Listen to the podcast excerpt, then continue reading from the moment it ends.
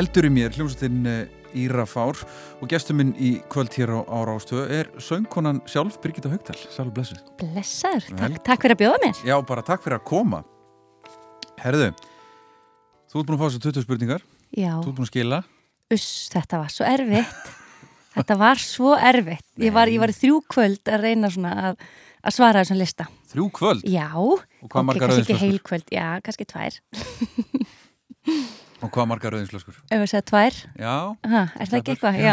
ég hef sko hérna, fengið sko símtöl seinta kvöldi frá, frá væntalegum gestum sem að einmitt voru komnir vel onni í flöskuna að reyna að svara. Að reyna, já, vegna þess að það er svo auðvelt að fara í að velja lög sem eru óksla hipp og cool og þið langar óksla hafa hlusta óksla mikið á, Mhm. að þú hlustaði kannski tvísvar, þrísvar á þau. En svo þarf maður að fara svolítið djúpt til þess að finna bara, nei, ég var að hlusta þessi lög. Já, Þetta er lagið sem ég var með á repeat og, og bara svona að, já, að senda það frá sér, það Mhm. bara tók á. nákvæmlega. En, en eh, hefur alltaf hlustað mikið á tónlist? Já, ég hef gert það, Já. algjörlega. Það, og, og byrjar vantilega snemma að syngja. Já, ég byrjaði mjög snemma. Ég var hérna mjög leiðileg litla sýstir til dæmis. Ég hérna á, átti bróður sem var fjórum árum eldri ég og hérna og hann, hann bara gati ekki ferðalög með okkur fjölskyldinu en svo ég var alltaf syngjandi Já. og hann þóldi það ekki. Hann var alltaf bara mamma hann er að Birgitta þegja. Þú veist, þá var ég syngjandi bara, bara glöð aftur í Já, já, já, Sko. nákvæmlega. Já, já, þannig að ég var mikið, mikið syngjandi sem bat, sko. Já, nákvæmlega. Og þið, hérna, þið byggu í Barcelona, eru þið til dæla nýflutt heim eða ekki? Uh, nei, það er nú komin okkur ár síðan tíminn flýgur, jú, jú, við, vo er- við vorum þar allavega í þrjú ár Já, nákvæmlega. og hérna og, og það var aðeinslegt Já, aðeins svona, fannst þið róleira tempo þarna, sögðu frá? Já, allt annað, Já. allt annað, ótrúlega gott þú veist, auðvitað indilt að vera í Íslandi og allt það en ótrúlega gott að kúpla sér frá og vera bara, vera bara ein einhver staðar, Mhm. fjölskyldan Mhm. þú veist, hérna, það er gott að vera með fjölskyldu og vinum og allt það en það er líka ótrúlega gott að finna sig Já, og kynnast nýri borg og nýjum vinum, nýjum siðum það var alveg bara ómetanlegt mm -hmm. hvernig gekk að, borða kvöldmann klukkan nýja kvöldi? Það gekk ekki vel. Nei, það er mjög erfitt. Já, vegna þess að ég er svona amanniska, þú veist, ég vil ekkert að fara og sofa og sent á kvöldin, sko, þannig að við vorum með típuna sem fórum á veitikastæði og vorum fyrsta borðið, Já, nákvæmlega. veist, þannig að við vorum á veitikastæðin klukkan átta og það var Engin, nei, kominn. nákvæmlega, þetta er mjög sérstakt. Sko. Já, já, já. Herru, förum í, í tónlistina, þú vildi byrja á, á þessu lagi Eldur í mér.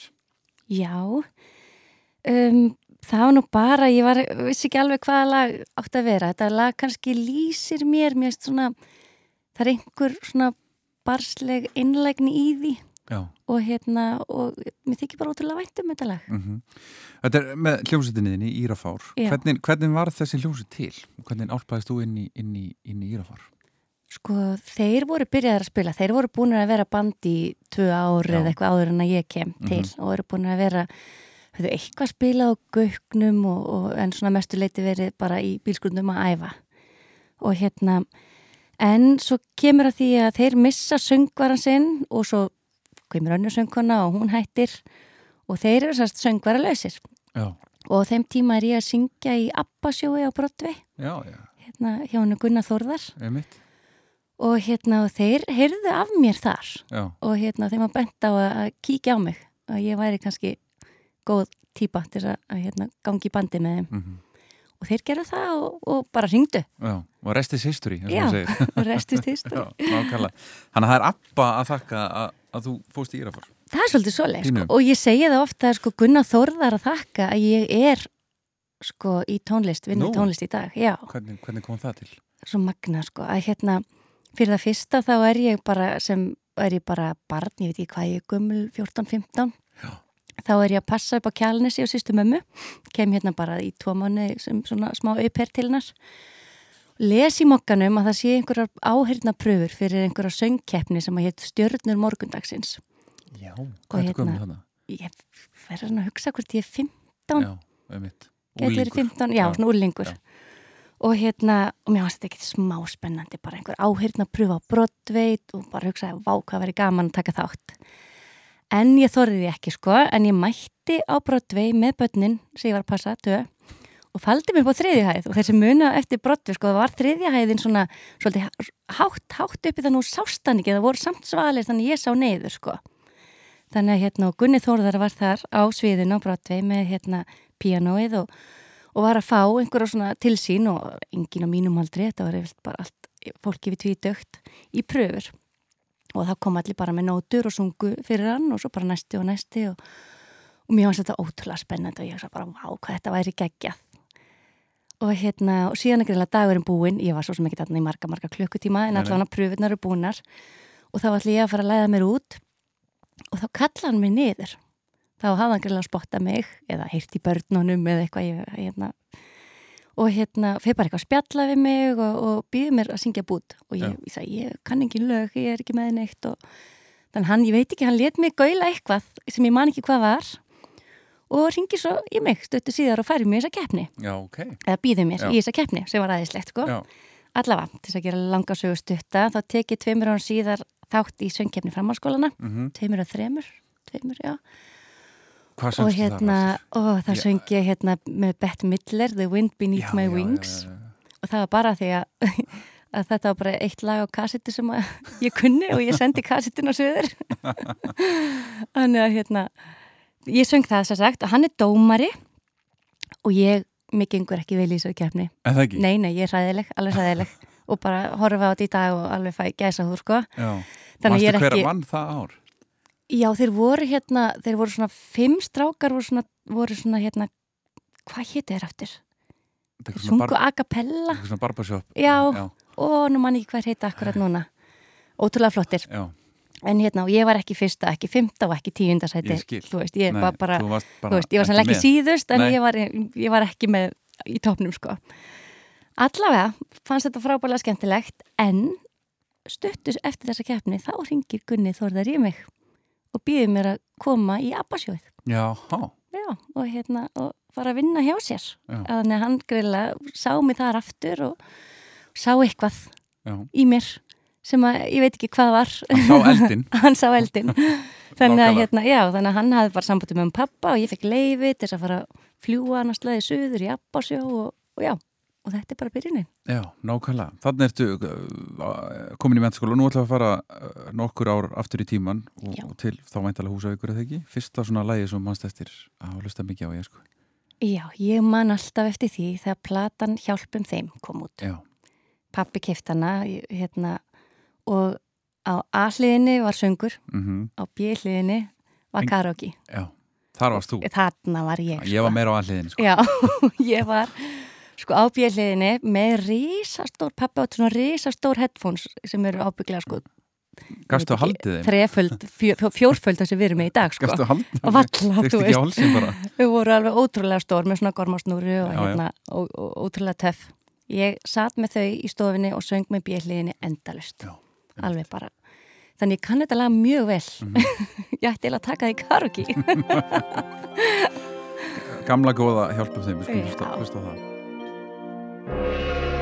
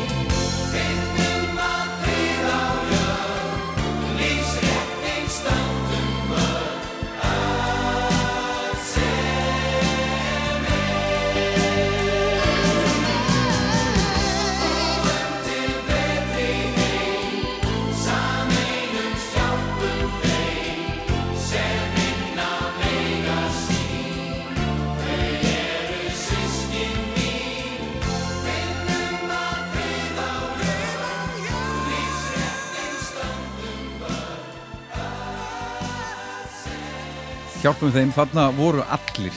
Er það ekki Birgitta? Jú, jú, þarna voru alla stjórnunar samankomnar í eini lagi.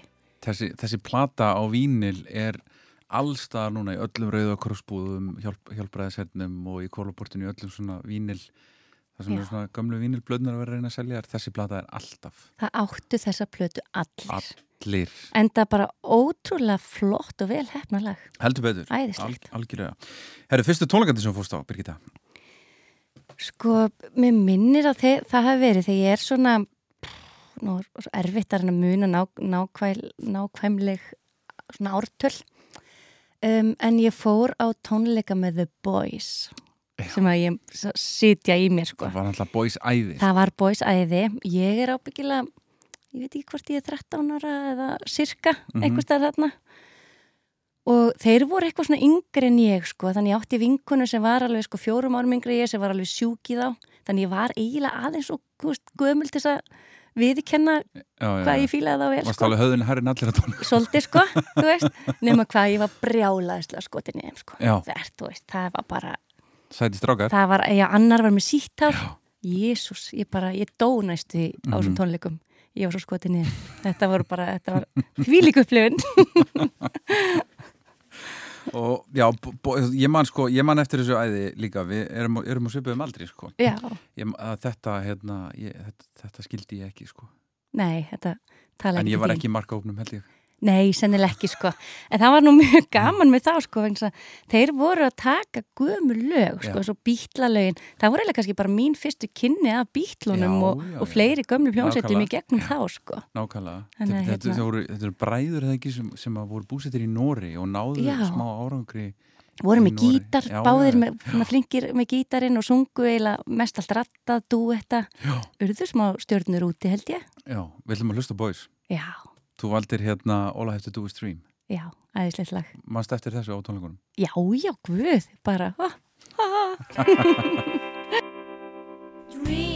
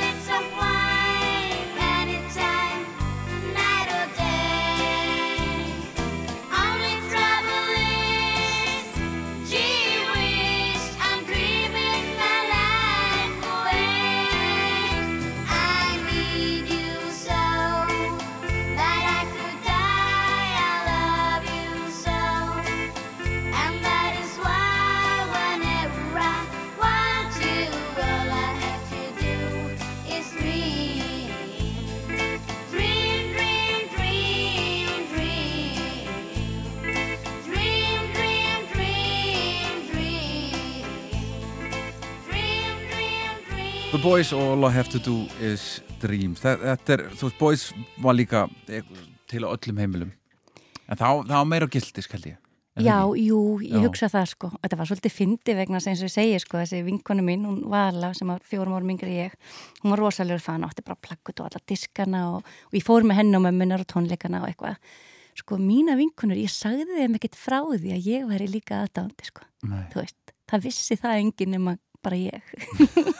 Þú veist ég svona skammaðis mér kannski smá en þú veist, þannig að ég gæti ekki annað en falli fyrir þeim sko. Nei, nákvæmlega, nákvæmlega. Þú, hérna, elst upp á, á Húsavík þá er náttúrulega mikill pönkbær á sín tíma. Já, er það ekki? jú, Er, þeir eru hann að bræðirnir að byrja að rífa kjátt þarna, Snæbjörn og, og, og þeir- já, já, já, já, já. Bibi og Baldur og Já, nákvæmlega. Þeir hérna, og bróði minn var nefnilega sko, hann var fjórum árum eldri ég og hann var mikill pönkmaður sko, hlustaði á mikið hérna pönk og, og mikið svona dauðarokk svolítið, hérna og var sjálfur með hérna ramaskítarinn í já. pönkurokk hljónsveit og Þetta svona er svo þannig mikill músikbær sko. Já, Það er, það er, það er hérna, maður mað tengir Húsavík við tónlist mjög mikið sko. Já, og hérna, ég hef einmitt rætt við fleiri húsingar og vilja meina bara að það hefur verið svo góður tónlistakennari og, og þetta er mikið svona ítt undir tónlistanám og bara músik í þessum bæ sko það var það, það var mjög góður tónlistaskóli Já. og, og einmitt kennararnir og, og hérna og mikið á erlendum kennarum sem komu mm í skólan og kendi kannski þrjú ára fóru svo og hérna, þannig að mikið tónlistarlíf sko, virkilega. En, en heima, var mikið músík á heimilinu? Fyrst að pappiðin átti svona voldu hirnatól? Já, heyrði pappi átti svona gott orgel, svona hérna, svona gamalt hérna, ægir svona tveggja hæða þetta stóra, já, veist, já, já. og þú gæst Með verið með svona trommutakt á neðra og já. efra og svona, þú veist, pappi spilaði svolítið mikið á það svona á svona Já. dögum og, góður? og hérna, hann kunni svona sín tvö lög sem voru mikið spiluð, þú veist, Mhm. það var bara, og hérna, og svo hérna fór hann líka að læra harmoniku Já, afi minn átti, var mikill harmonikuleikari og, og pappi erði nikkuna hans mm þannig að pappi var svolítið að spila nikkuna og, og hérna, já og það sem að hérna pappi gerði líka er að hann hlustaði svo mikið á tónlist hann átti svo mikið á plötum. Já.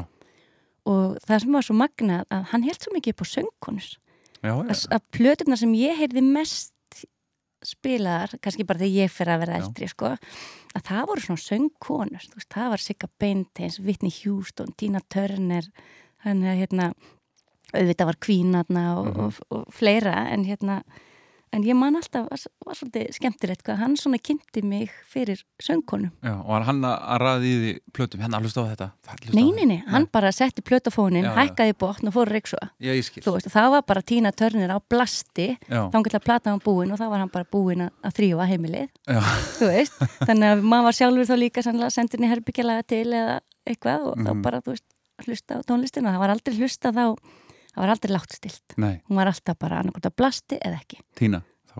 Já, tónlistin. Já, tónlistin, já, já, það var ekki að hlusta eitthvað svona background. Nei, nei, nei, nei. Þannig að hérna, Þannig að það er, þegar þú heyrir í Tínu Törner til dæmis, er það svona minning sem kemur upp, pappiðin er ykkur Já, alveg. alveg fara Við skulum fara þangað. nákvæmlega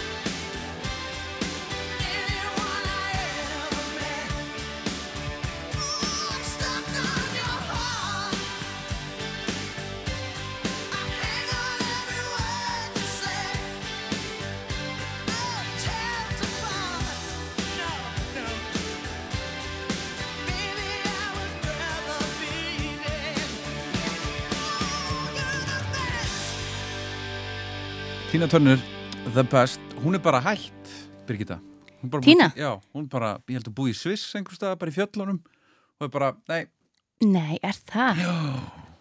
Ég trúi ekki. Ég, ég hafði alveg hugsað mér að sjá hana og hún myndi svona segja, er hún alveg hætti, er hún bara í smáfrí? það, svo er það, ég meina hún er sko, Eða hvað er hún orðið guðumöl? það er nefnilega málið sko. málið. Hún er alltaf hana yfir sjötugt. Já, já, já, og þú veist, vill maður það ekki Jú, þú- þú ert komin að þannig aldur Jú, jú, svo veit bara- ég ekki hvernig það er sko, mér finnst það svo áhugavert sko eins og maður rakka bjarna, þú veist, nær maður að halda röddinni þegar maður eldist. Það er, Þú veist, hann nær, hann nær því en lögin hans eru svo sem mjög melló þannig ekki mikið að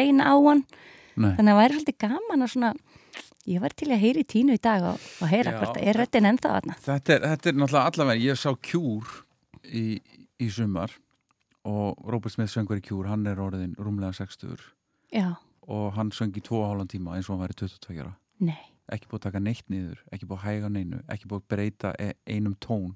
Vel gert. Og hann, já, sé orðin rúmlega 60 og hann söng í 2,5 tíma.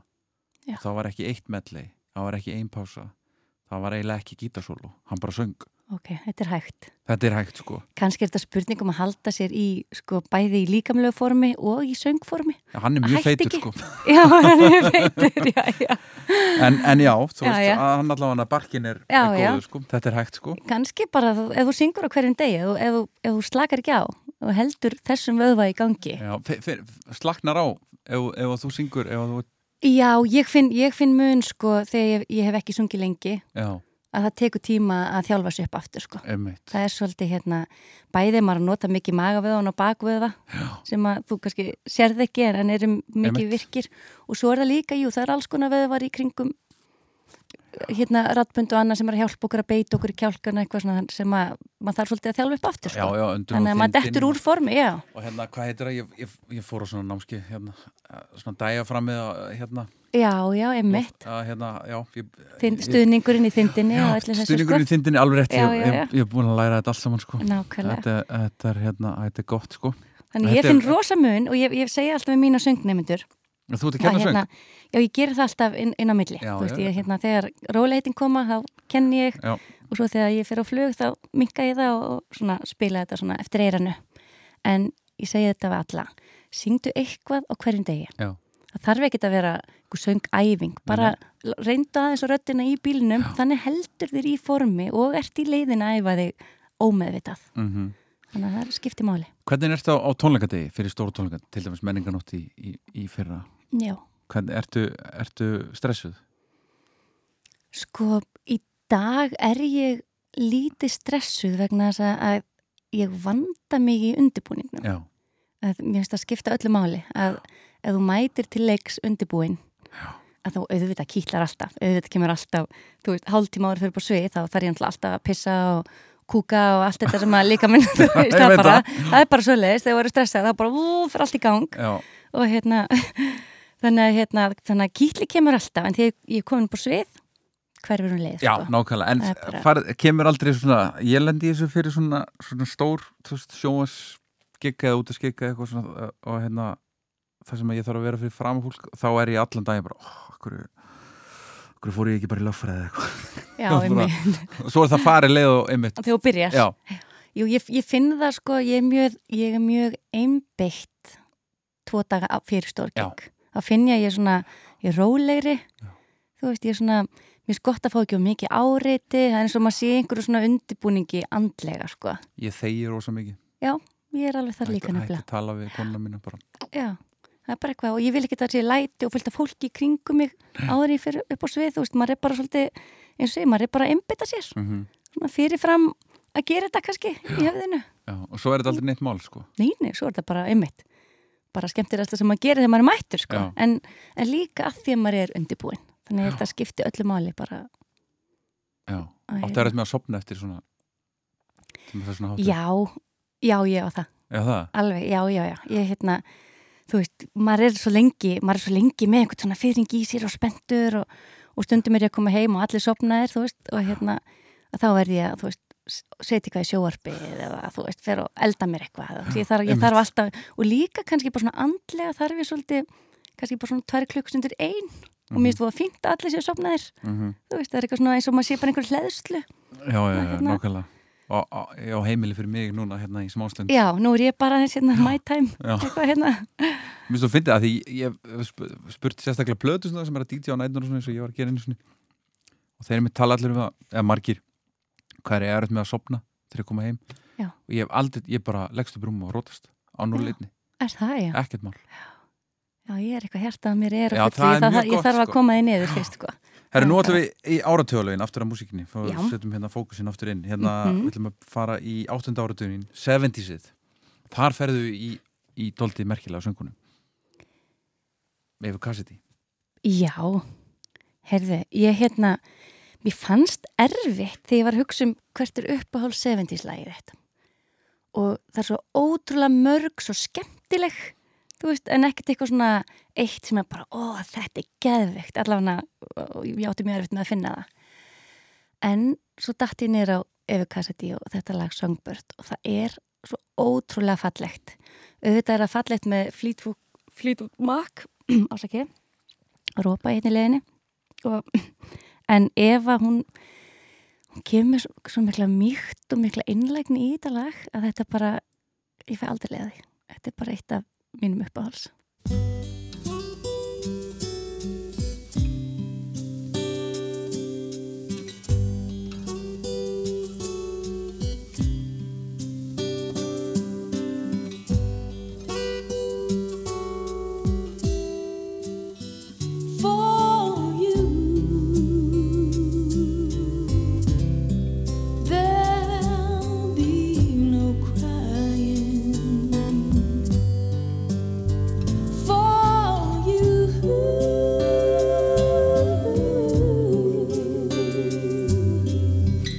The sun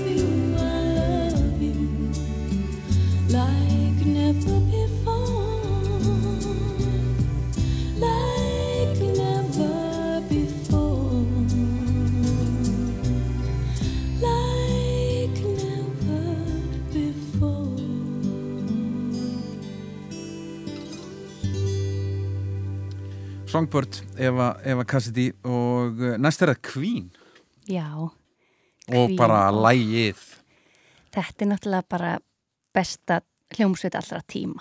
Já, Þetta eru margar góðar og stórar en, en þessi lög sem þetta banda á mm og auðvitað flutningur Freddís, þetta er bara einstakt. já. Ég, hérna, ó, ég, ég vildi svo innilega að ég hefði fengið að sjá það og mér langar ótrúlega að fara að sjá Adam Lambert Já, hann, hann er vist alveg, hann er með þetta sko Já, ég held það. Hann er flottur og bara þessi lög, þetta power, þessar Mhm. útsetningar, þetta er náttúrulega bara einstakt.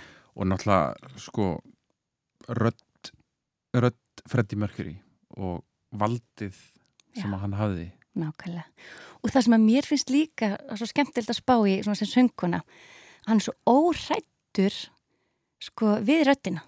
Já, Að heyra hvernig hann beiti sér og þarna er hann sko, veist, í dag er við farin að gera alls konar. Já, en á já. þessum tíma, þú veist, hann bara svona opnar sig og hrópar þetta út, þetta kemur bara úr punktnum á hann, sko. Þetta, þetta kemur svo neðalega, sko. Mhm. Og það er svo, mér finnst þetta svo aðdánavert að að sjá hvernig hann gerði þetta og Mhm. hlusta og þetta vald að, vegna þess að þú getur að, það getur allir hrópað og orgað en að hafa vald í því í leiðinni það er bara einstakur, einstakur maður Rhapsody this the real life? Is this just fantasy?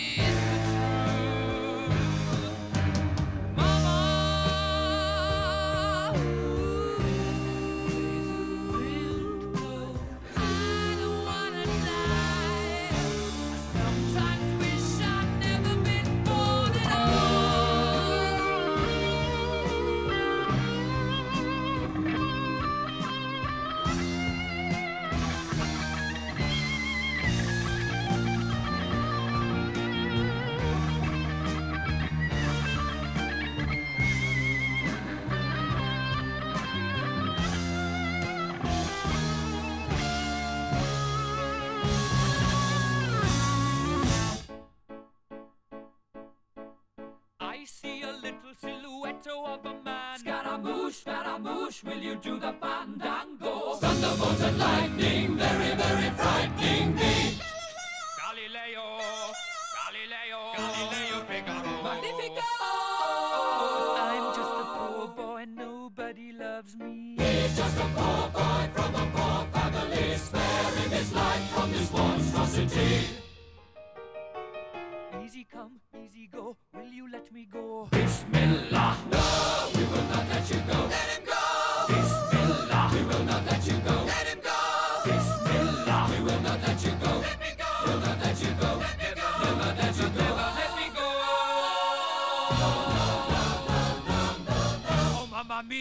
mamma mia. Mamma mia, let me go. Beelzebub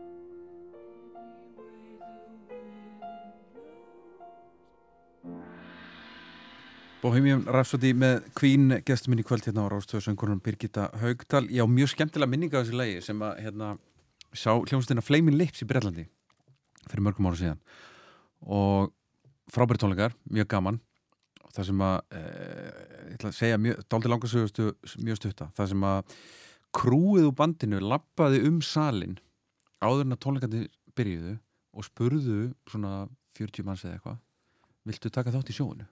Og svo tókuðu þess að fólki með sér baksis, tókuðu svona 40 manns já, 20-20 og þá fóru þess að 40 manns að tónleikunum fengi að hitta bandi og, hangaðins með þeim og fá sér eitt bjór og eitthvað svona. Og svo fegstu þess að velja þegar vinnum minn sagði já og, og fór. Og, hana, og hann var upp á sviði allir tíman þá gæstu þess að valið hvort þú væri gemverið eða jólasveinn. Nei, Jú, og þannig að hann valdi held ég gemveruna og þá svo, svo byrjuðu tónleikarnir og af því að það löpuðu svo 20 jólasveinar hæra megin og 20 gemverur vinstra megin með svona vasaljós svona, sem þú heldur á svona stór kringljótt vasaljós svona eins og er á skipum. Já, þannig að held allir á svona vasaljósum og voru svona alla tónleikana að dansa með svona vasaljós sem voru svona ljós nótið sem ljósasjó, mjög fyndi nema hvað, tónleikarnir bara aðeinslegir, svo bara takaði síðasta lægi sitt og uppklapp og þá kemur söngurinn fram á svið og segir Herru, við erum búin að spila fyrir ykkur núna í tvo tíma nú ætlum þið að, að syngja fyrir okkur. Og þá kom svona karaoke-skjár niður og hérna, og bandi byrjaði að spila Bohemian Rhapsody. Og það bara sunga allir allir mjög flott. Þetta er frábær hugmynd. Já, mjög fyndið sko. Ha. og bara stórkoslega skemmtum Herru, Ég þarf nefnilega, mér langar nefnilega að læra þetta lag á piano. Já. Já, er það er, það er í nokkuð, er þetta nokkuð flókið? Æ, þetta er náttúrulega bara mörg lög í einu lagi. Já, þetta veist, er það, já, það reyndar- allir þetta sé bara dum, dum, dum, dum, dum, dum út byrjunin sko, en það er bara bútur sko, en neini þetta og ekki að vera, það hlýtur að vera eitthvað svona easy tutorial hérna Er, er, píanóið svo hljónfærið þitt? Nei, ég lærði á þverflutu í tíu ár. Það er rosa langu tíma Uss, byrgita Ég veit það, ég veit það. Og ég hef ekkert getað notað hann í bransan það er sorglega ég bara ó, ég vildi að mamma eða pappi hefði sagt bara Birgitta, eigum við ekki að fara yfir í píanóið? Já, eða ertu vissum vil ekki taka gítarinn með? Já, já, já, nei, en það sem ég gerði, ég prófaði öll hljóðfærin í skólan já. og hérna prófaði að fara á fiðlu, prófaði að fara á cello prófaði öllíti á píanó og hérna fannst það svo leiðilegt leiðilegt að segja papp, pappi að spippa var að kenna mér sem er frábær Já, sko já, já, já. þú veist, en hérna mér fannst svo leiðilegt að ég þurfti bara alltaf að spila til nótunum. Mhm. mér langar bara að vera hljómum og fara að gera eitthvað. Þannig ég hefði hendað mjög vel ef, ég, ef að Suzuki hefði verið á Húsavík, Suzuki nám, þá hefði ég sennilega fallið fyrir því. En hérna, ég valdi að flýta mér og var eins með fyrirluna og sellóið að ég nefndi ekki að vera að plokka fyrirlustrengin ég ætlaði að fara að sko hérna ég prófaði öll hljóðfæri sem hægt var að prófa og svo festist ég bara þverflutuna vegna þess að mér fannst hún svo falleg. Er Mér fannst, ég, mér fannst ég vera með skarkrip Mér fannst hún Mér fannst hún fara mér svo vel. Sæðilegt Þannig já, allavega, þannig ég lærði af hana. En það er mjög falleg hljóðfæri sko. Það er æðislegt. Og, þú veist, og ég hafði mjög gaman að því sem barn. En í dag er ég að glamra gítar og píano ein með sjálfur mér Mhm. þú veist, kann ekki neitt en samt gerir bara það sem ég finnst gaman. Þannig ég get spilað alls konar lög og, og sungið með og Hvort finnst þið skemmtilega? Hvort, ef myndir horfur á píano og, gítarinn hlið við hlið, hvort heldur það sé oftar fyrir valinu? mm, sko, mér finnst gítarinn svo skemmtilegur að, að því ég get tekið hann með mér. Þú Já. veist, ég get farið með hann í veiði ferð og setja á bakkanum og með maðurum minn er að veiða þú veist, Mhm. eða upp í bústað. Mm að því hann er svona, maður getur alltaf svona gripið hann, já, en svo er eitthvað, svo, ég sé miklu meira á píano, ég, ég dett meira í einhvern svona anda þar Já. sko, ég get ekki valið, þetta er ólíkt. Ok, Já. en þá fyrir við aftur í, í spurningarnar. Tíundu áratugurinn, 90sið úrlingurinn, úrlingurinn Birgitta. Úrlingurinn ég var, ég held ég að veri bara ágætis úrlingur ég, hérna, ég held að þú veist að versta sem að mamma og pappi þurftu að þú veist að ágjöra hvort ég kæmi heim klukkan 12 eða hálf eitt Mm. að ég stalst til að vera hálftíma lengur eða þú veist, ég hérna það var ekki mikið, Nei. ég var held ég bara ágætt sko. Ha, Æ, einsagn það er einsök svo að mamma koma hérna að segja þér einhverja sögur kannski. Að hérna, en ég hlustaði mikið á tónlist. Ég var aldrei ég átti aldrei svona hérna einhver ædol aldrei átti einhver ædol eða sungi ótrúlega mikið með einhver einni plötu já, var aldrei verið einhver listamæður sem ég haldið mest upp á. Nei, og það er gott held ég. Já, ég held það bara. Að, hérna, þannig, og þess vegna kannski getur enginn líkt mér við einhvern kannski að því að ég hef, hef bara áhrif mm frá alls konar tónlist. En hérna, ég man að Elsa vinkona var svakalegur, Michael Jackson aðdáandi og, og svo átti ég fúst, vinkonur sem voru svakalegar í söngkonu hérna, söngkonu bökunum og öllu því sko en ég einhvern veginn var bara þú veist, ég hlustaði bara vinsaldalistan þú veist, tók hann upp skiluru og, og hérna og svo kannski tók ég bestu lögin af vinsaldalistan yfir á aðra kassetu þannig að ég var búin að búa til mína svona mixtape, þú veist þannig að það var alltaf bara eitthvað svona gott einhver svona góð blanda. En hérna en Elsa vinkona hlustaði líka rosa mikið á rockset -hmm. og hérna og átti allat geisladiskana og var hérna mjög já, var alltaf með eitthvað svona á fónunum og, og ég fjall mikið fyrir rockset, ég hafði ótrúlega gaman að syngja með þeim sko, átti aldrei plötu með þeim en ég átti þetta lag á kassetu sem ég ætla að lifa að heyra. úr listanum. Já, og, hérna, og söng mikið með vegna að það var það eins og komið pínu Eurovision svona einhver, einhvers konar upphækkun eða einhver svona kapli sem að ég tengi svo mikið við í því. Rocksett á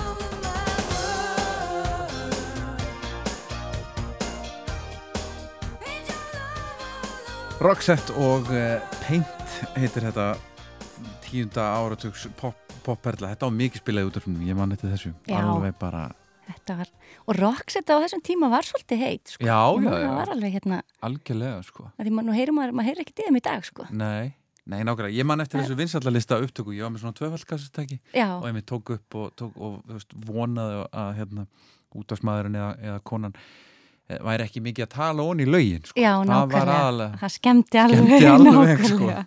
Guðana bænum sko. Herru Birgitta, næst er að sá listamæður sem væri til að sjá tónleikum.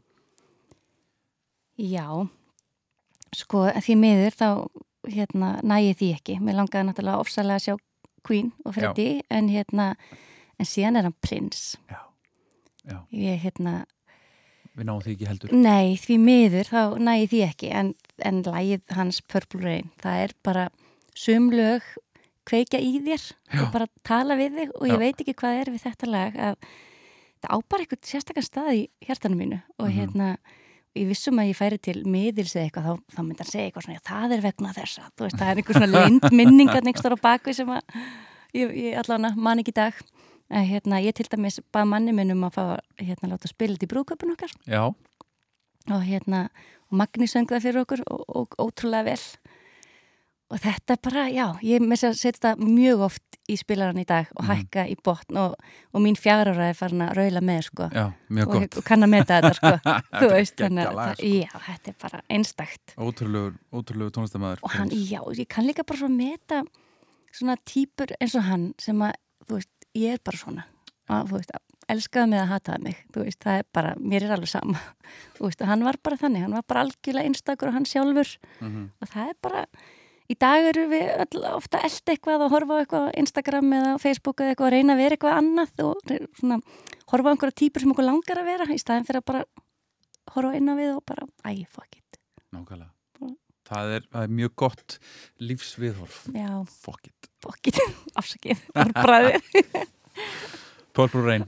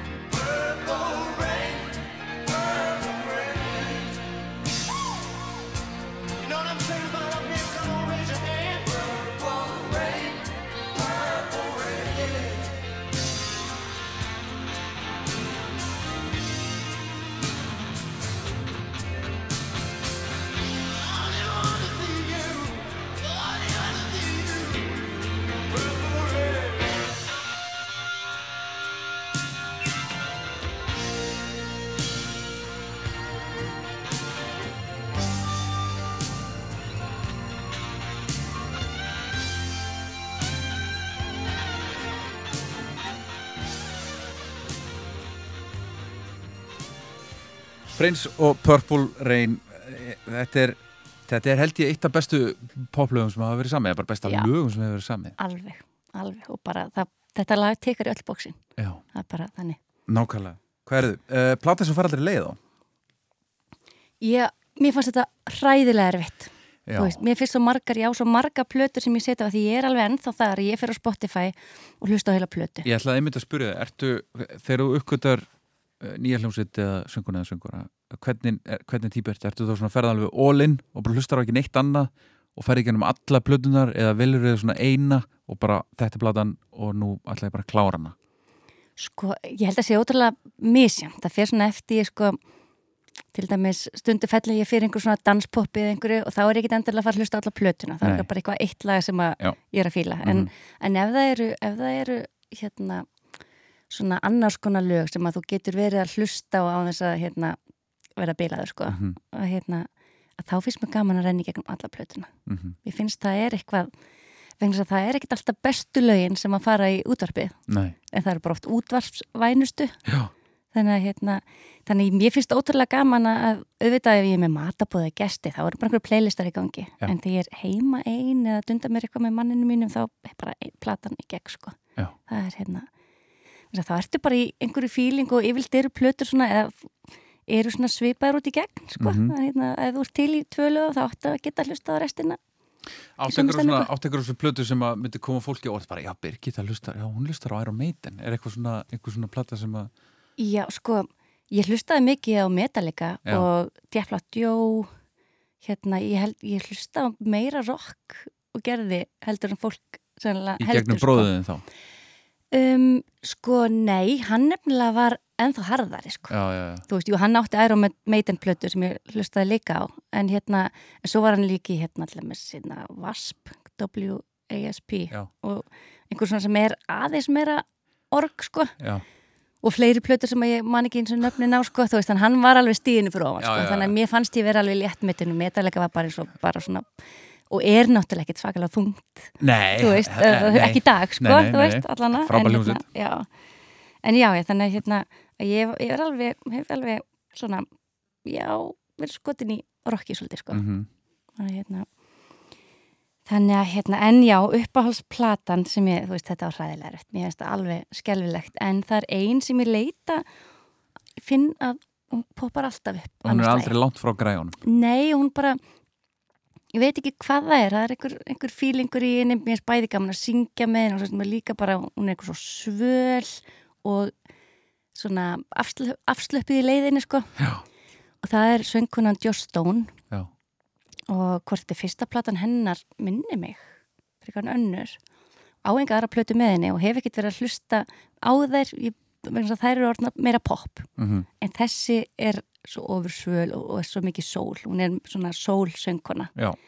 Og hérna já og ég mæli með því að, fólk setja hana á fónin þetta er alveg, ég veit að kallmenn myndi sjá coverið eða heyri þetta og hugsa, æ, þetta er náttúrulega eitthvað svona stelpupop, þetta er það ekki ógislega töff, flott, tónlist góð sönguna, kom í hörpu fyrir hvað, tveimur, þreimur árum já, ég þekki þessu blödu sko, Já. þetta er mjög, mjög smúð, mjög algjörlega. þannig að þetta er svona plata sem að já, hún poppar alltaf upp fyrir alltaf annars leið Soul Sessions heitir platan fyrir hlustendur sem vilja, vilja kanna þessa blödu, Joss Stone og þú valdir The Choking Kind.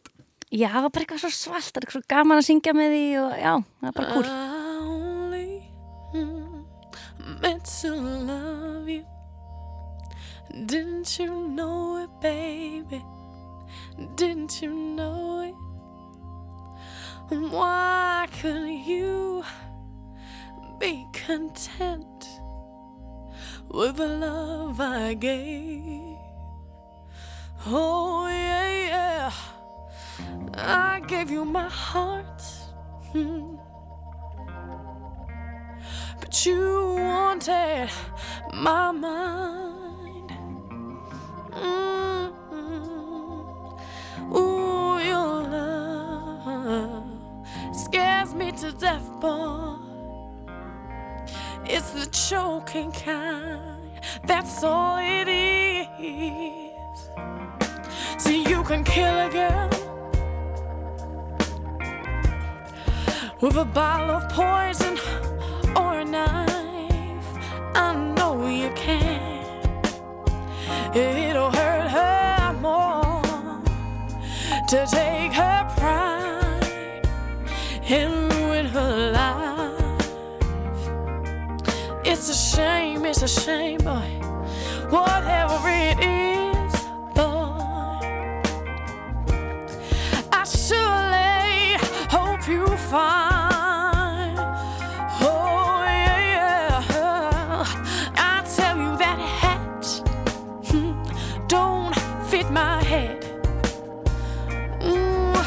it's a choking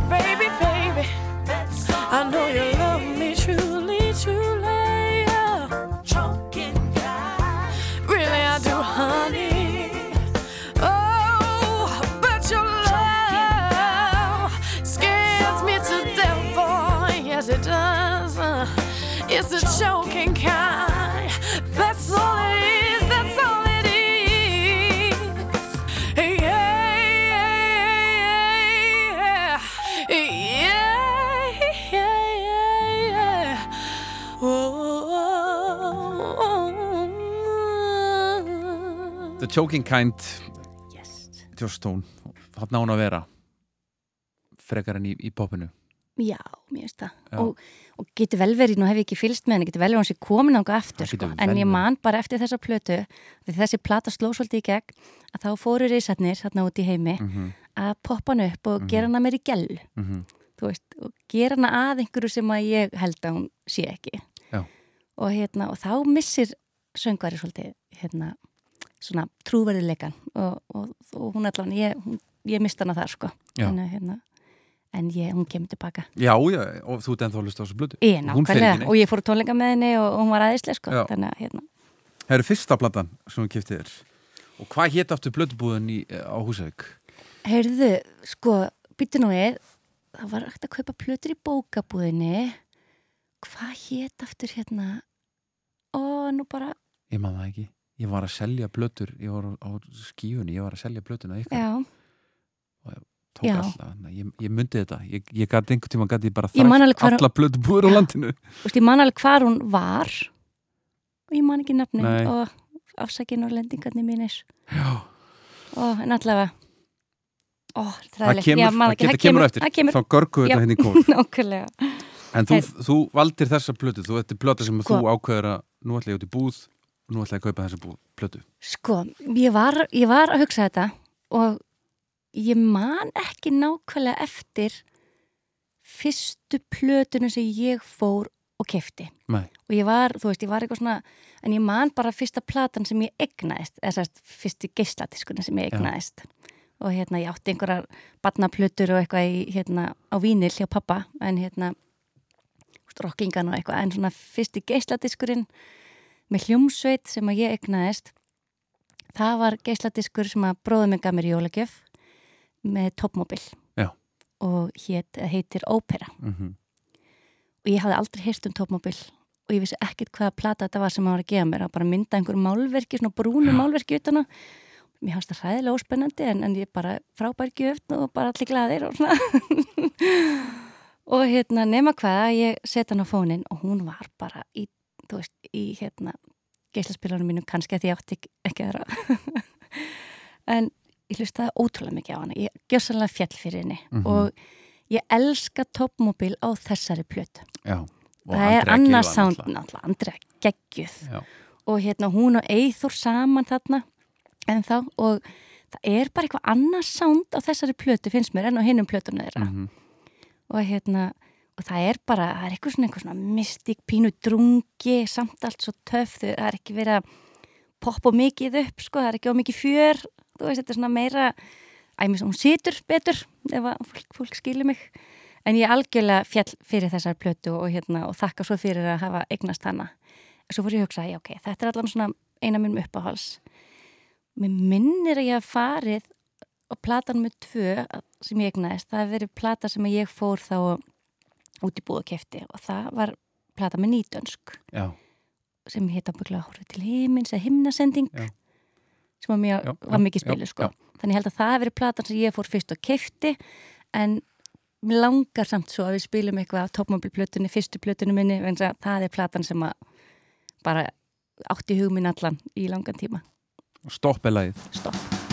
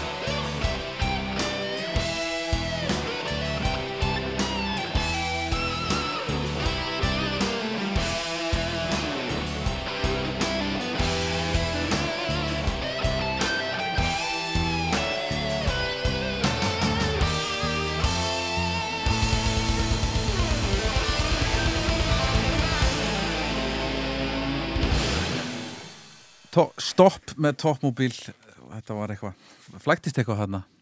Áttu eitthvað svona gott svona texta svona uh, flæki á sviði? Vá. eða neglur þetta bara alltaf? Nei, nei, ég not oft bara kínversku geimveru já, ruggli, sko, ef að, þú veist. Og allir í stuðu og engin Já, pælur í því. já, þú veist, það er bara svolítið svo leið, sko, Já. og maður á bara að gera það. Bara heilt, heilt vers fari bara Já, já, þá bara, hérna nú ekki gerst mikið undanfarið, en það kemur alltaf fyrir. einmitt. og það var bara best að Eðlilega. svolítið í, svo allt henni dettur inn í aftur, sko. Já, já, já, Það, já. hérna, en ég man aldrei eftir að tekið eitthvað panik út af því, ég bara tók Revis and Travis. Revs and Travs, já, já, og, og fólk er yfirlt að syngja með og fattar ekkert, sko. Það- Döðveld með að læra texta? Nei, ég á ekki auðvelt með að læra texta og læra lög.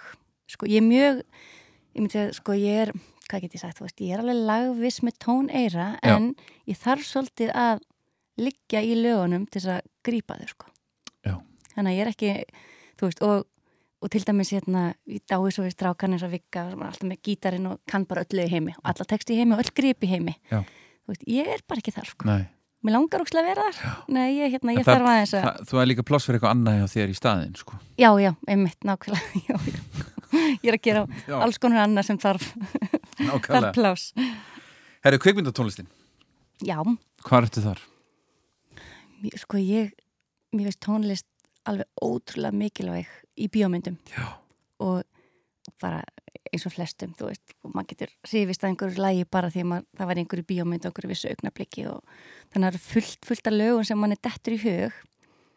En en einhver luta vegna að þá fór ég strax í The Neverending Story Fórstu á hann í bíó? Fór- Nei. Ég fór á hann í bíó Já. Og ár ég, það ég, er 80, ég er 6 ára held ég, 5, Já. 6, 86 Og ég grét úr mér, þetta er fyrsta bíóminningi mín Já. Og hún er bara svona grift í heilan á mér Fór í bíó með mömmu Og ég grét úr mér augun Þegar Já. hesturinn drukna Já.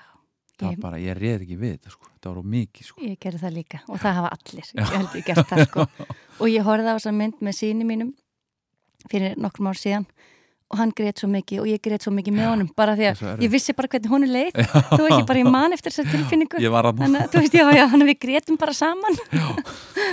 Bara en þetta er æðislega mynd og mér finnst hún alveg ennþá góð í dag sko. þannig að ég vona að þeir fóreldrar sem er að hlusta og eiga börn á aldrinum hvað ég var að segja, alveg frá 5 Já, upp í já. 12 Já, já, já. ætti að setjast og hafa kósi kvöld Kvöld. nefnir stóri Já, Já, það er bara, hún er æðisleg Já. og þetta lag líka þetta er geggja ger, lag þetta, það er einhver töfrar í þessu lagi sko, og hlusta á hana þetta lag lýsir svo myndinu maður fer beint í myndina aftur sko.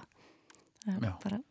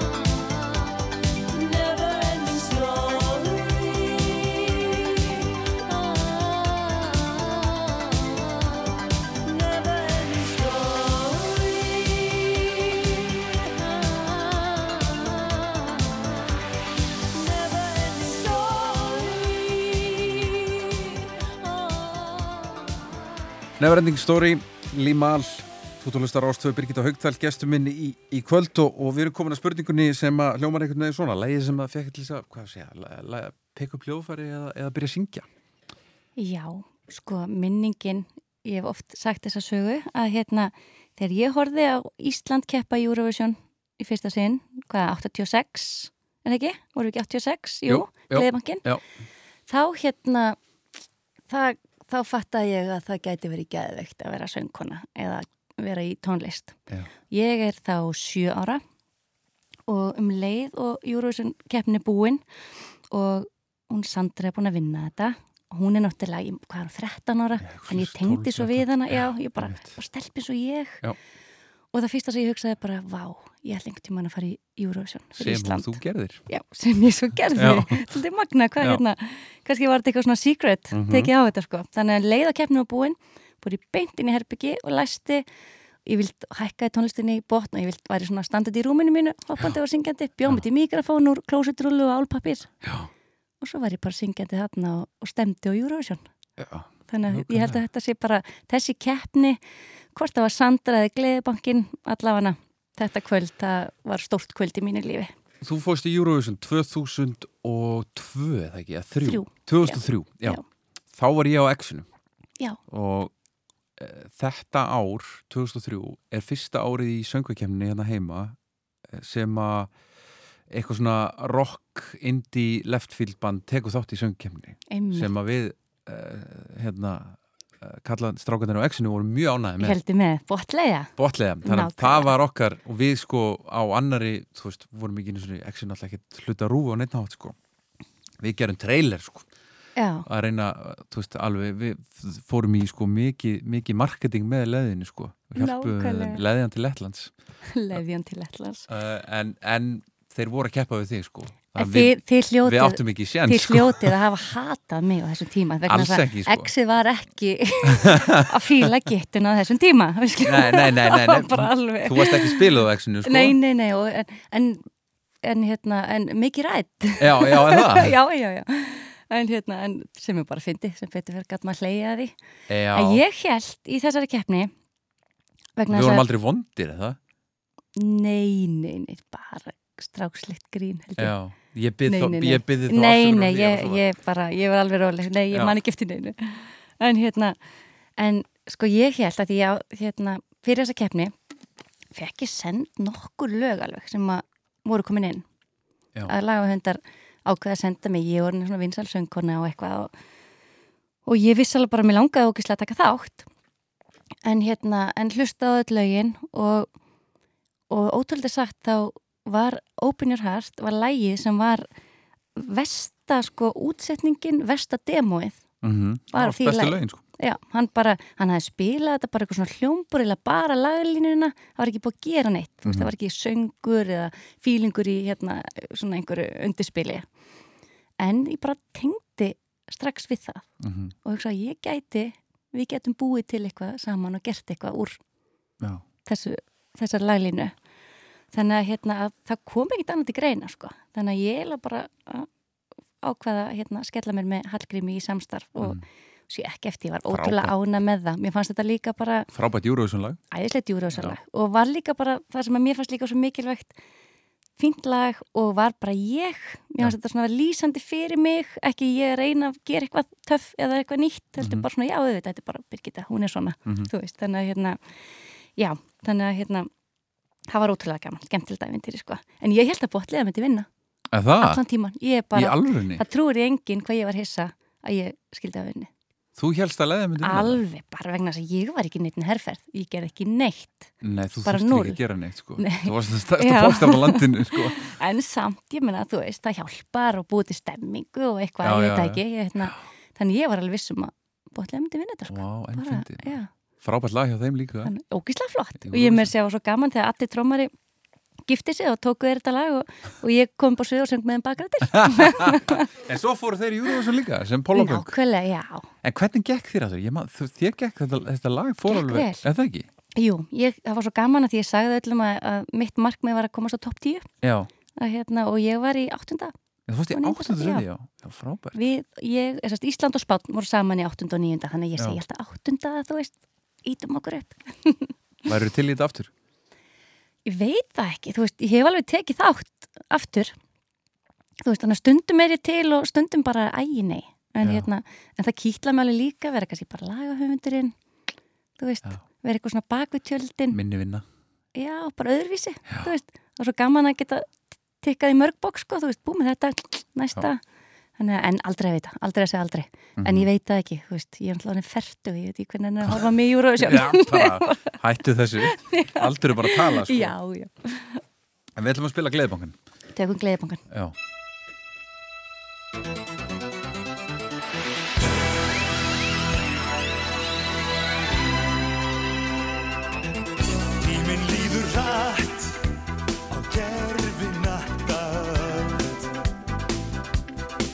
Hraðar sér hver dag, hraðar sér hver kvöld. Ertu stundum hugsandi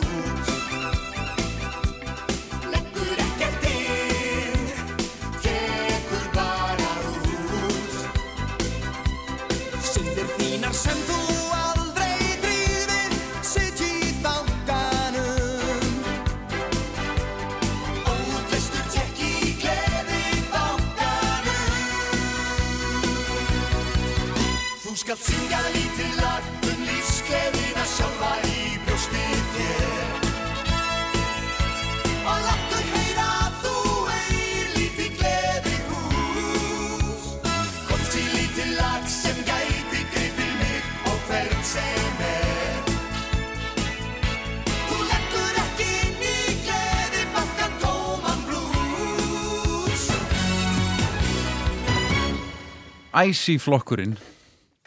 Þetta, þetta lag eh, eldist bara ekki. nei, Mér finnst það það geggja minnst það alltaf, það er líka bara eitthvað svona svo mikið gleði, Það- fær mann alltaf til að brosa En Mér finnst þessi það- texti samt, hann er skrítinn. já, já, en þú veist, það er bara skemmtilegt Já, ég veit það. Þú veist. Eða kannski áttan bara alltaf að vera skrítin. Já, já, já. Hann er kannski svolítið líka, þú veist, þetta er bara tíminn, þessi tími, hann hefur þótt svalur þarna. Já, Það er bara, þú veist, sennilega, bara síns tíma. sennilega. Herðu uppáhalds íslenska lagið þitt sem er náttúrulega fáráleg spurning. Fáranlega spurning, allt svona sem er uppáhals, þetta, veist, þessar spurningar, besta söngunaðin, söngar, uppáhalslægi, plata, þetta er bara að þurfa að velja eitthvað eitt. Og sérstaklega úr típa sem ég sem er svona á bara fullt af alls konar. En, þú veist, mér datt í hug, mér finnst lægjans Magnúsar ást. mm það er svo ótrúlega fallegt að hérna ég let spilaði og við letum spilaði brúköpun okkar. Mhm. og það er mjög gaman að hann Magnús og, og afi minn voru bræður. Já, það er smá tengingarna þannig, þannig ég er mjög stolt af honum og hans efni og þetta er eitthvað svona eitthvað svo krútlegt en þetta lag, þessi texti, söngurinn hennar hérna Ragnæðar, þetta er bara þetta smellur allt og er, er eitthvað dásamlega fallegt.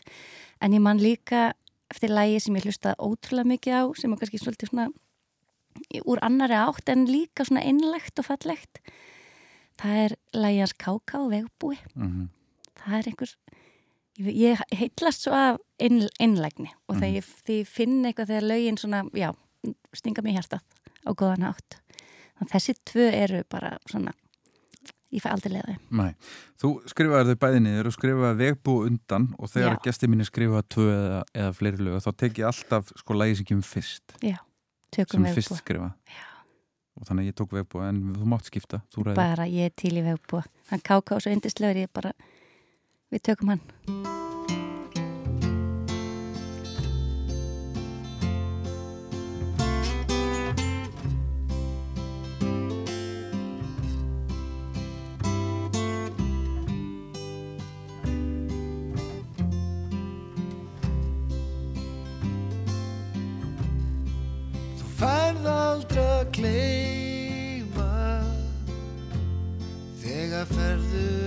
á stjá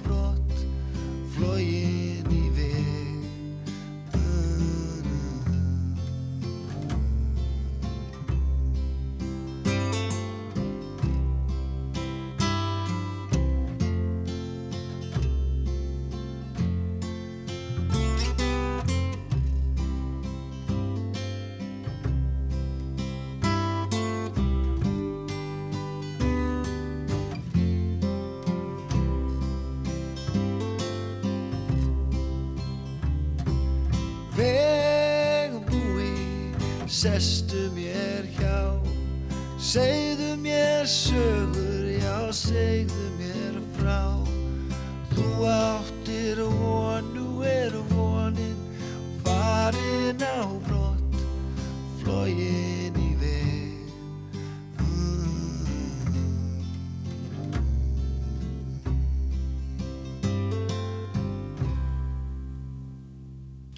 Vegbúi, segðu mig sögu. Já. Svo svo yndislega líka hvað Káká er hann svo góður og hlýr maður. Já, Að hérna, ég vissum að hann spilar, spilar inn í hvað mann þykir ótrúlega væntumyndaleg. hann er, hann, já, hann, það er hérna það er ein af mínum lukkum í, í lífinu að hafa fengist að fengja kynnastónum og núna að vinna með honum sem er, er mjög gaman. Það er, það er, það er einstakt að geta sest niður á móndana með rjúkandi kaffi og, og spjalla við káká Ó, ég skil það, fóréttindi. Já, eiginlega sko, svo Já. ammali saman dag sem er ekki leðilegt Jæja, þeir eru bara tengdir aðeins. Já, aðeins, já, já. Herðu, nú spyr ég söngkun um karaoke-lægið Um, mér fannst þetta mjög erfitt líka, mér finnst náttúrulega allar þessar spurningar erfiðar. En það er eiginlega út af því að ég fer ægilega aldrei í karaoke. Nei, ég skil það mjög vel Já. sko Það er sko, kannski vegna þess að, ég er svo léli í karaoke, að ég er ekki búin að æfa hann inn lög. Þú veist, ég er ekki mannskja sem kann fullt af lögum og bara, "Hey, tökum bara þetta. En er það veist, ekki ti- tilgangur Jú, með karaoke, er einmitt að vera vera lélegur, sko. Já. Ég veit það. eða gera það sínu eða, þú veist, er bara eitthvað svo fyndið láta annarkvort. hlæja sér Já, þannig að annarkvort þarf að velja eitthvað lag þar sem ert í algjöru rugli og Já. í þvílíku djóki.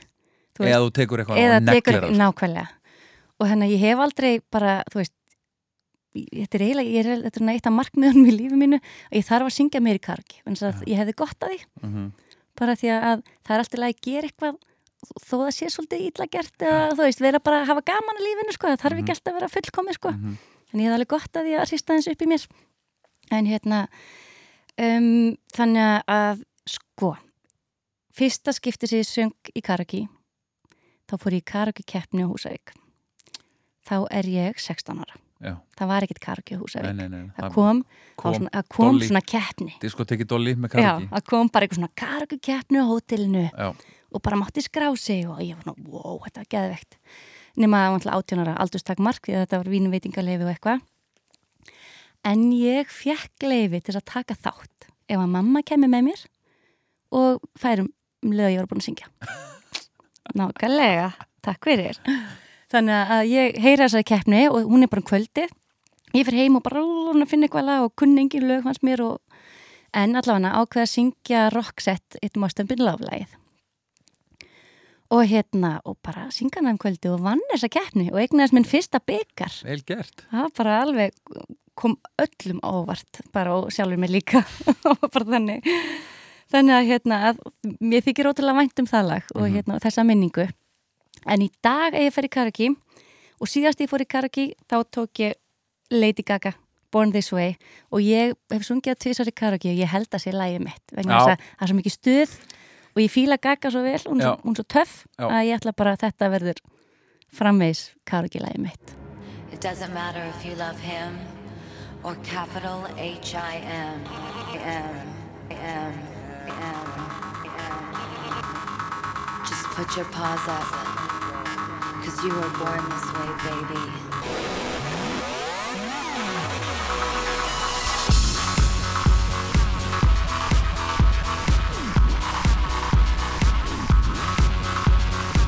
My mama told me when I was young, we're all born superstars.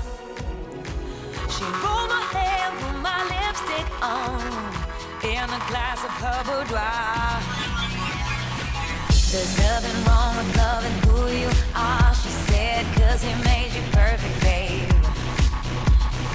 So hold your head up, girl, and you'll go far.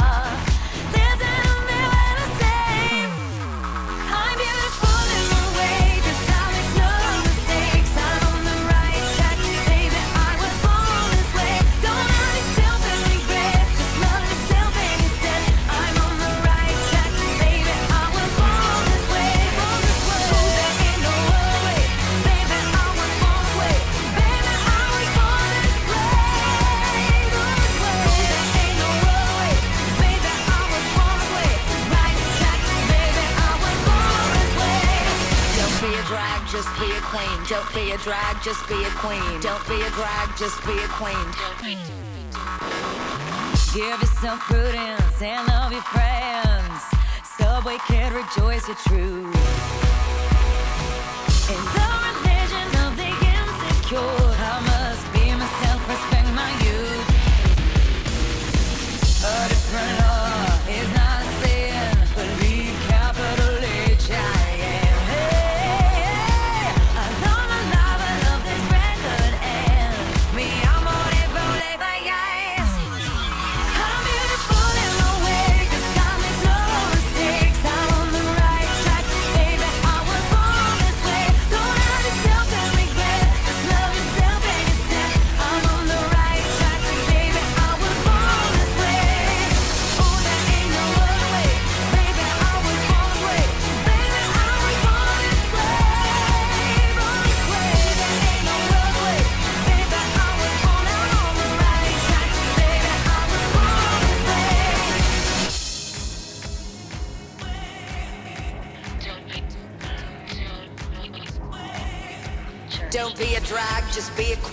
Whether you're broke or evergreen, you're black, white, beige, chola descent. You're Lebanese, you're Orient. Whether life's disabilities left you outcast but leader teased, rejoice and love yourself today. Cause baby, you were born this way. No matter gay, straight or bi, lesbian, transgender life, I'm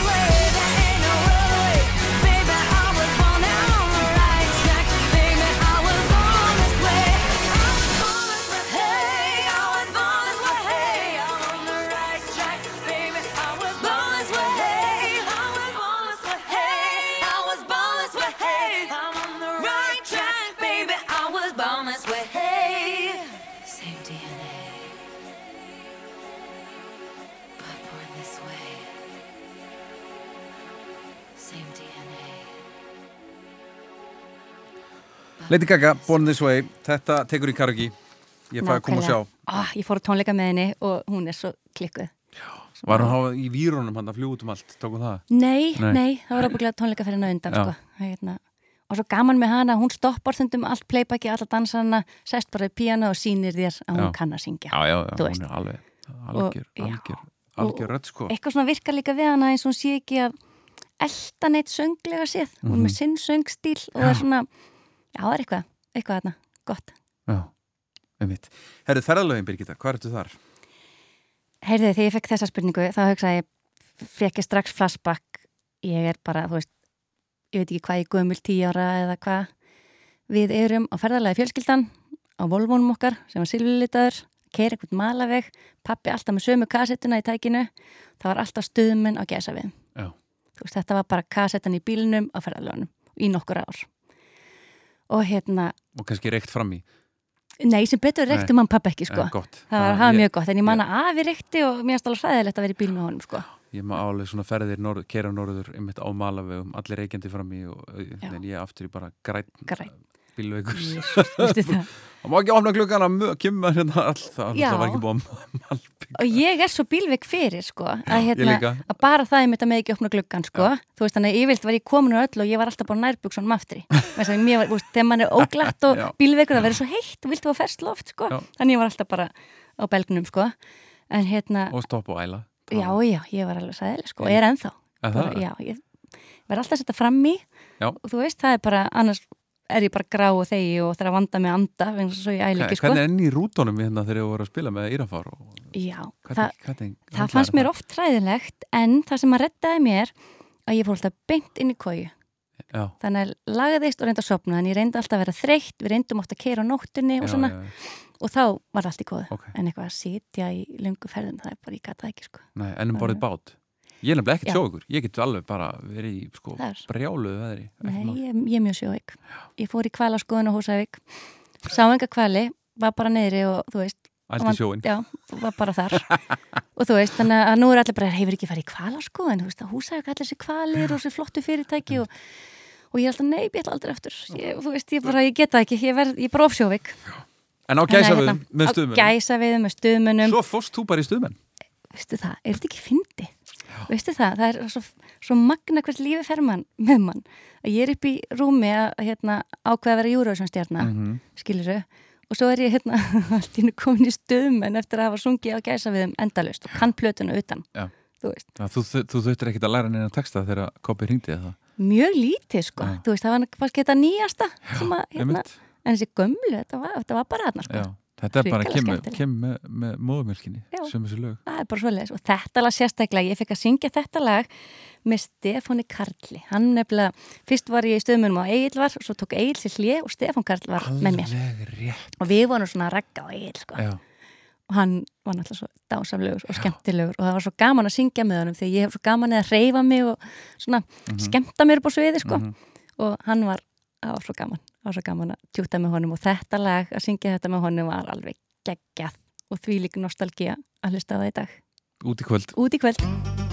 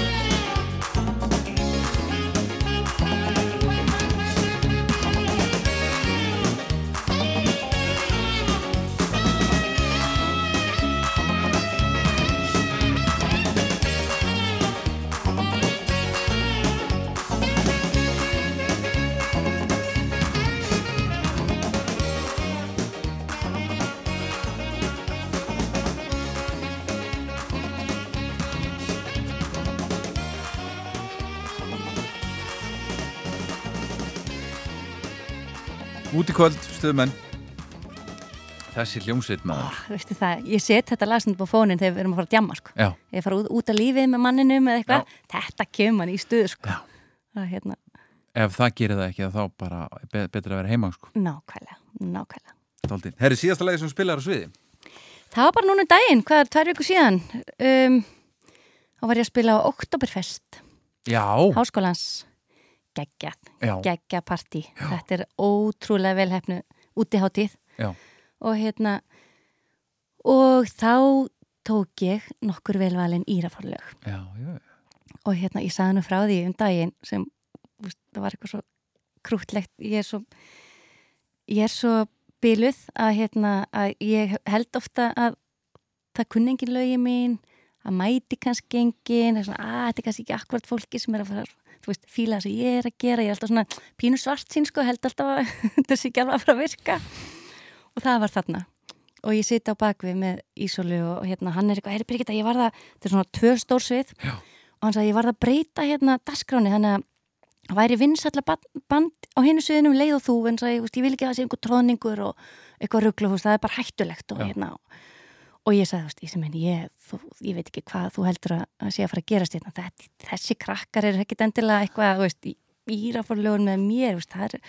hvað er, veist, hvað er gömuleg, tvítu, átján, tekjaði mikið bara svona gulrót og kannski eitthvað eitt, gírafórlag, þú veist, já. Og ég bara, og ég meinti þetta svo einlegt, sko, og hann bara, nei, byrja ekki þetta, hvað, það held ég nú ekki, og hann held þetta er eitthvað svona svaka styrla. Og svo bara tveimur mínútum eftir að við erum búin að eiga þetta samtal þá er ég bara að setja á mig svona heyrnatólin eða sérst innirið og, og gera mig tilbúna þá heyri ég allt inn bara svona Birgitta, Birgitta, Birgitta eitthvað svona bara því líkan hóp vera orga nafnum mitt frammi. Og ég hugsa, nei, þetta getur ekki verið sko, þá veist lappa og kíki svona fram á liðið og er svona baksviss Já. Þá byrjaði bara upp á þurru að syngja öll fingur og þarna erum við að tala um einhver, ég veit ekki hvað þetta er þúsund, tvöðust manns. Já, já, já. allir að syngja fingur, enginn að spila neitt eða stjórna þessu. Og þetta var svo, þetta er svo fallegt þetta er svo yndisleg þessi tilfinning. Og ég bara, ég fór náttúrulega bara að grenja, bara gleði, gleði tár og bara skammast mér ekkert fyrir það. Nei. en ó, þú veist, hvað maður kann að meta þetta í dag. Í dag stoppa maður og, og svona andar svo að sér og þarna á þessu sviði sem sagt tók ég síðast lagið okkar allt sem ég sé. Og það var trillt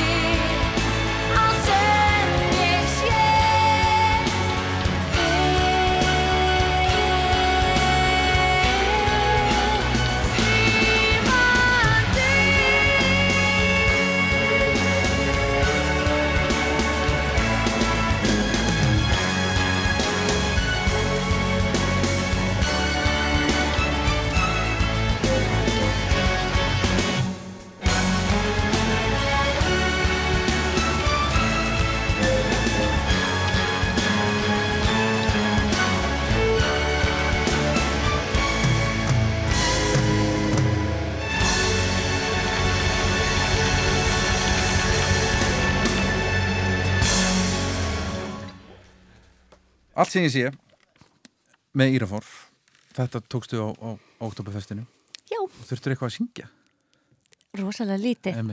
Og það er svo magnað að þarna og ég hef líka verið að spila á fleiri stöðum undarfari að stundum heyrist meira í fólkin út í sal en í mér og bandinu. Og ég á vídeo og einhvern veginn postaði því bara, þú veist það sem að það heyrðist ekkit í mér. Nei, nei. það heyrðist bara söngurinn út í sal Já. sem er svo geggjað. Þetta er bara trillt Síðasta lagi sem þú deildir á samfélagsmiðlum. Heyrðu, það er nýja lagið mitt. Já, með september. Já, Já. ég er sem sagt gáð lag á samt strákunum í september og hérna, sem er ótrúlega gaman að því að þetta er svona allt annar vingill á tónlist en ég hef verið að- búa til sko. Og hérna, þeir sendu mér, sendu mér lag og ég fæ reglulega einhver lög send frá hinnum og þessum sem bara, heyrðu, þú veist, við að taka lagið eða, þú veist, hefur þú að taka þetta og eitthvað? Og, og yfirleitt er það svona, "Mm, finnst mér að bara ekki henda mér eða tímanum eða þú veist, en eitthvað var að því ég hlusta á lagið sem að þeir sendu mér að ég bara, það small. Ég bara, já, ég myndi fara og dansa við þetta. Ef þetta kemi, ef að væri DJ og þetta lag er spilað, færi ég á dansskólu og það sagði mér bara, Birgitta, kýlda á þetta gera þetta með þeim, bara prófa eitthvað nýtt ungi strákar, svo gaman að vaksa, að festast ekki í því sama.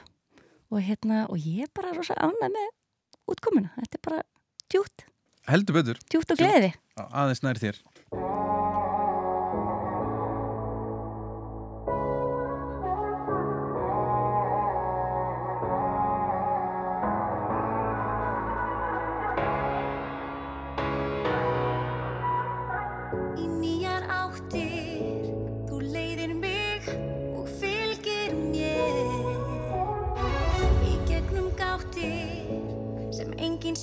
enginn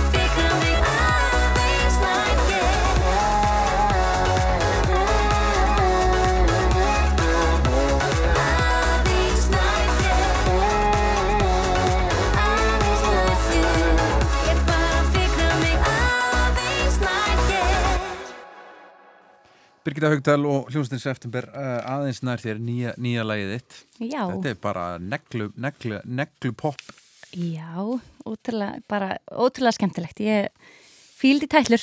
Ha, Já, herru, næst er það bara stjarnar ársins Lægið sem nákvæmlega. þú hlusta mikið á Billie Eilish Sko, hvað er Billie Eilish? Fenamon Hún er mitt. Hún er eitthvað staðar, ég veit ekki hvaðan hún er, sko. Hún er eitt bara mesta talent sem ég hef séð í mjög langan tíma Ég er alveg sammálaður og það er bara eitthvað við hún er stelpu. 17 ára Hún er 17 ára, sko. Og núna þurfum við bara að krossa fingur að hún spilir rétt úr spilunum og týni sér ekki.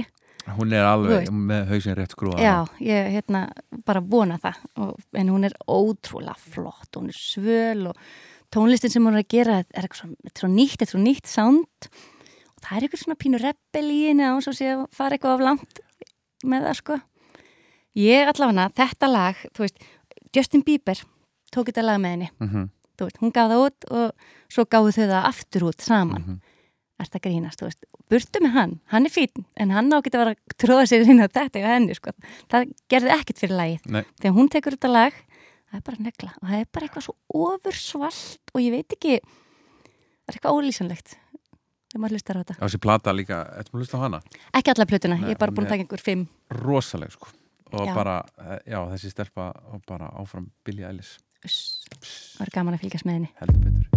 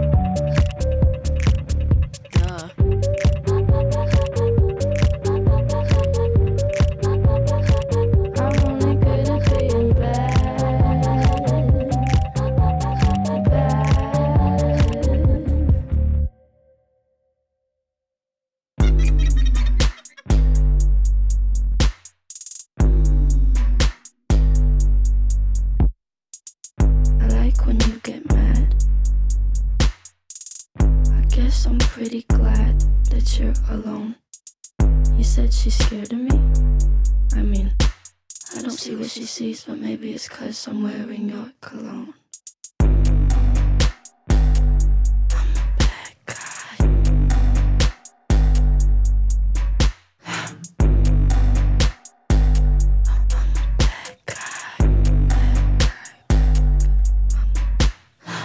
Billie Eilish og That Guy ég mæli með því og takir þessu plötu bara frá lagi 1 og, og til enda hún ekki er alveg bara, bara, ég tek hann í bílinum bara hérna um leið og ég fer. Mjög gott. Og ég heyrði viðtal við hann um daginn og mér fannst svo töff. Og hún var að segja hérna hún var ofta að fá einhver svona skilabóð frá fólki svona, ef þú myndir klæða þig öðruvísi eða mála þig öðruvísi þá verður kannski svolítið sæt og eitthvað. Og hún bara sendið um puttan bara hefur þetta grínast. Og það er náttúrulega bara svo geggjað þegar þú getur bara ver- verið þú sjálfur. Mhm. bara ég fíla mig svona. Take it og leave it. Bara, og hún er algjörlega þar. Algjörlega Síðust tól, tónleikar sem þú fórst á Heyrðu, ég fór bara núna um daginn á Nick Cave í hörpu Náður í miða Heyrðu, þetta var, ég, þetta var svona óvænt frá manninu mín Það var svo sætur, já.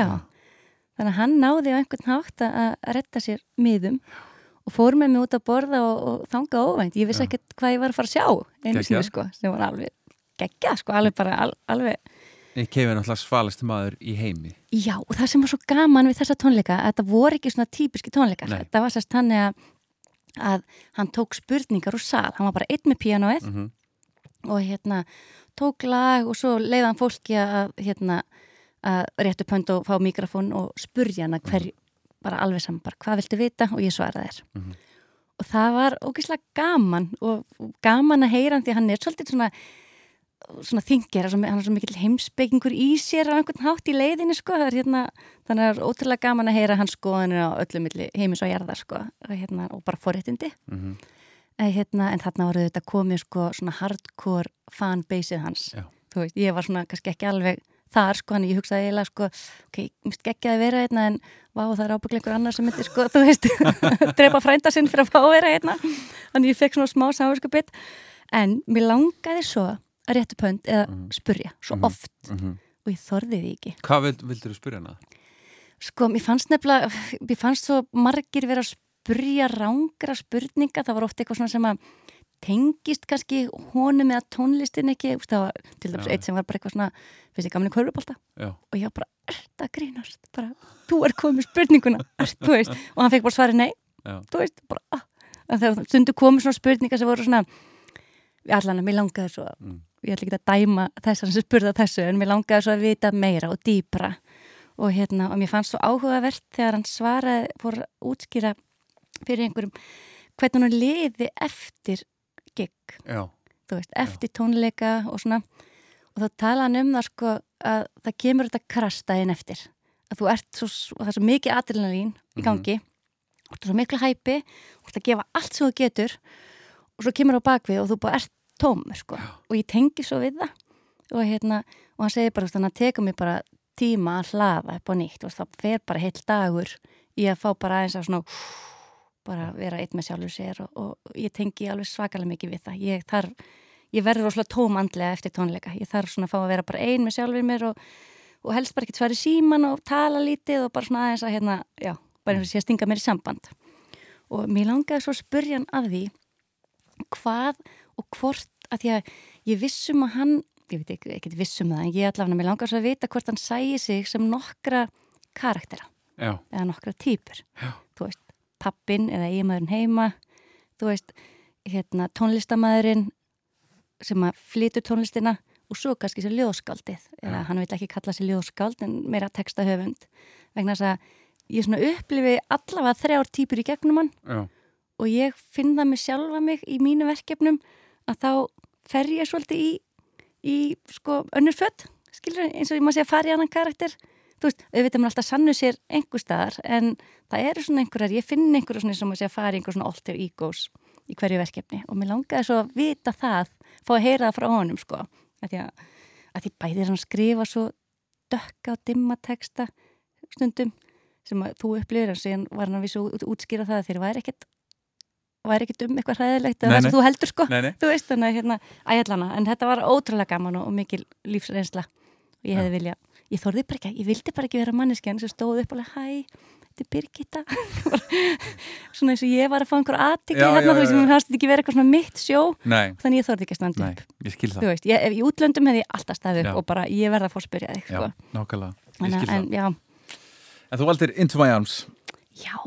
æ, sem er náttúrulega bara ástarlag. Ó, já var, það er eitthvað svo sorglegt í leiðin ég veit ekki hvað er.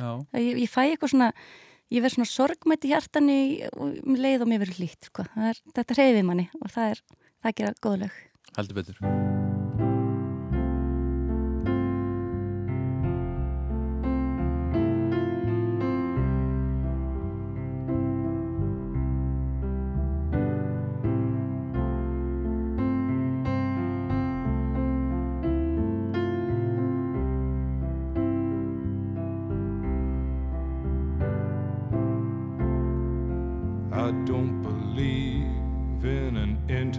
interventionist God.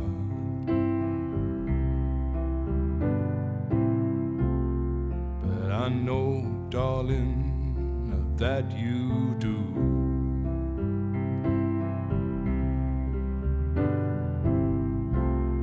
But if I did, I would kneel down and ask him.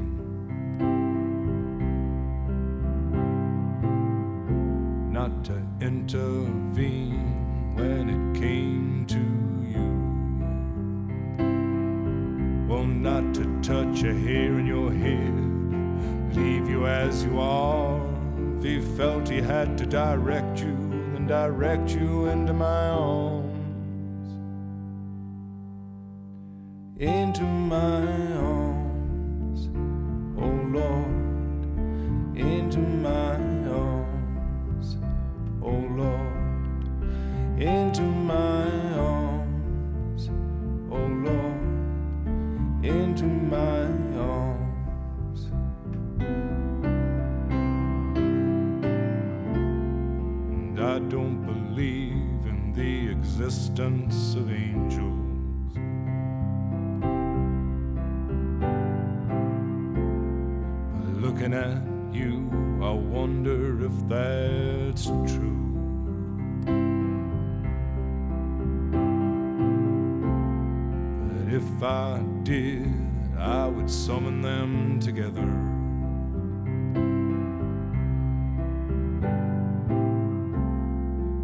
Ask them to watch over you. Well, to each burn a candle for you to make bright and clear your path, and to walk like Christ in grace and love and guide you into my arms. Into my arms, oh Lord, into my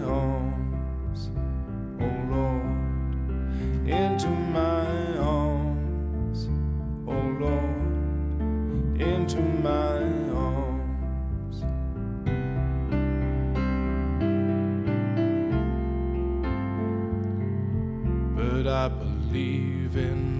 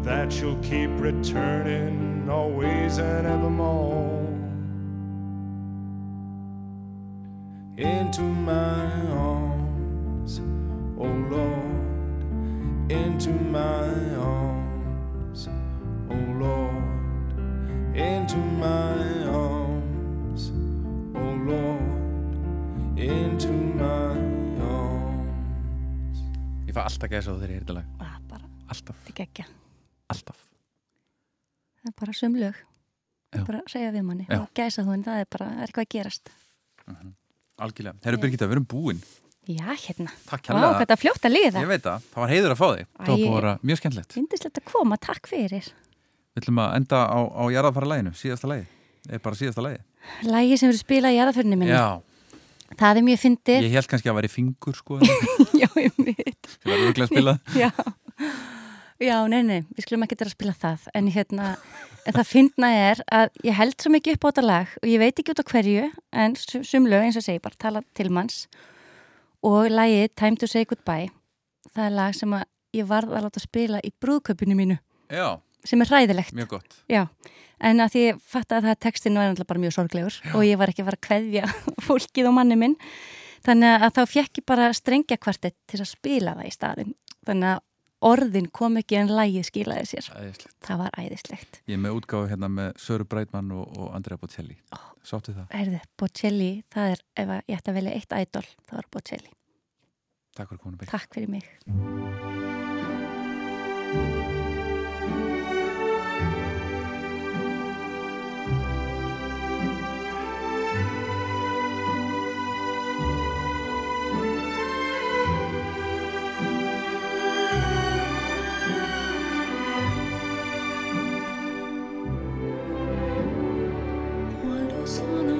sogno l'orizzonte e mancano le parole. Sì, lo so che non c'è luce in una stanza quando manca il sole. Se non ci sei tu con me, con me su le finestre, mostra tutto il mio cuore che è acceso. Chiudi voce che ha incontrato per strada.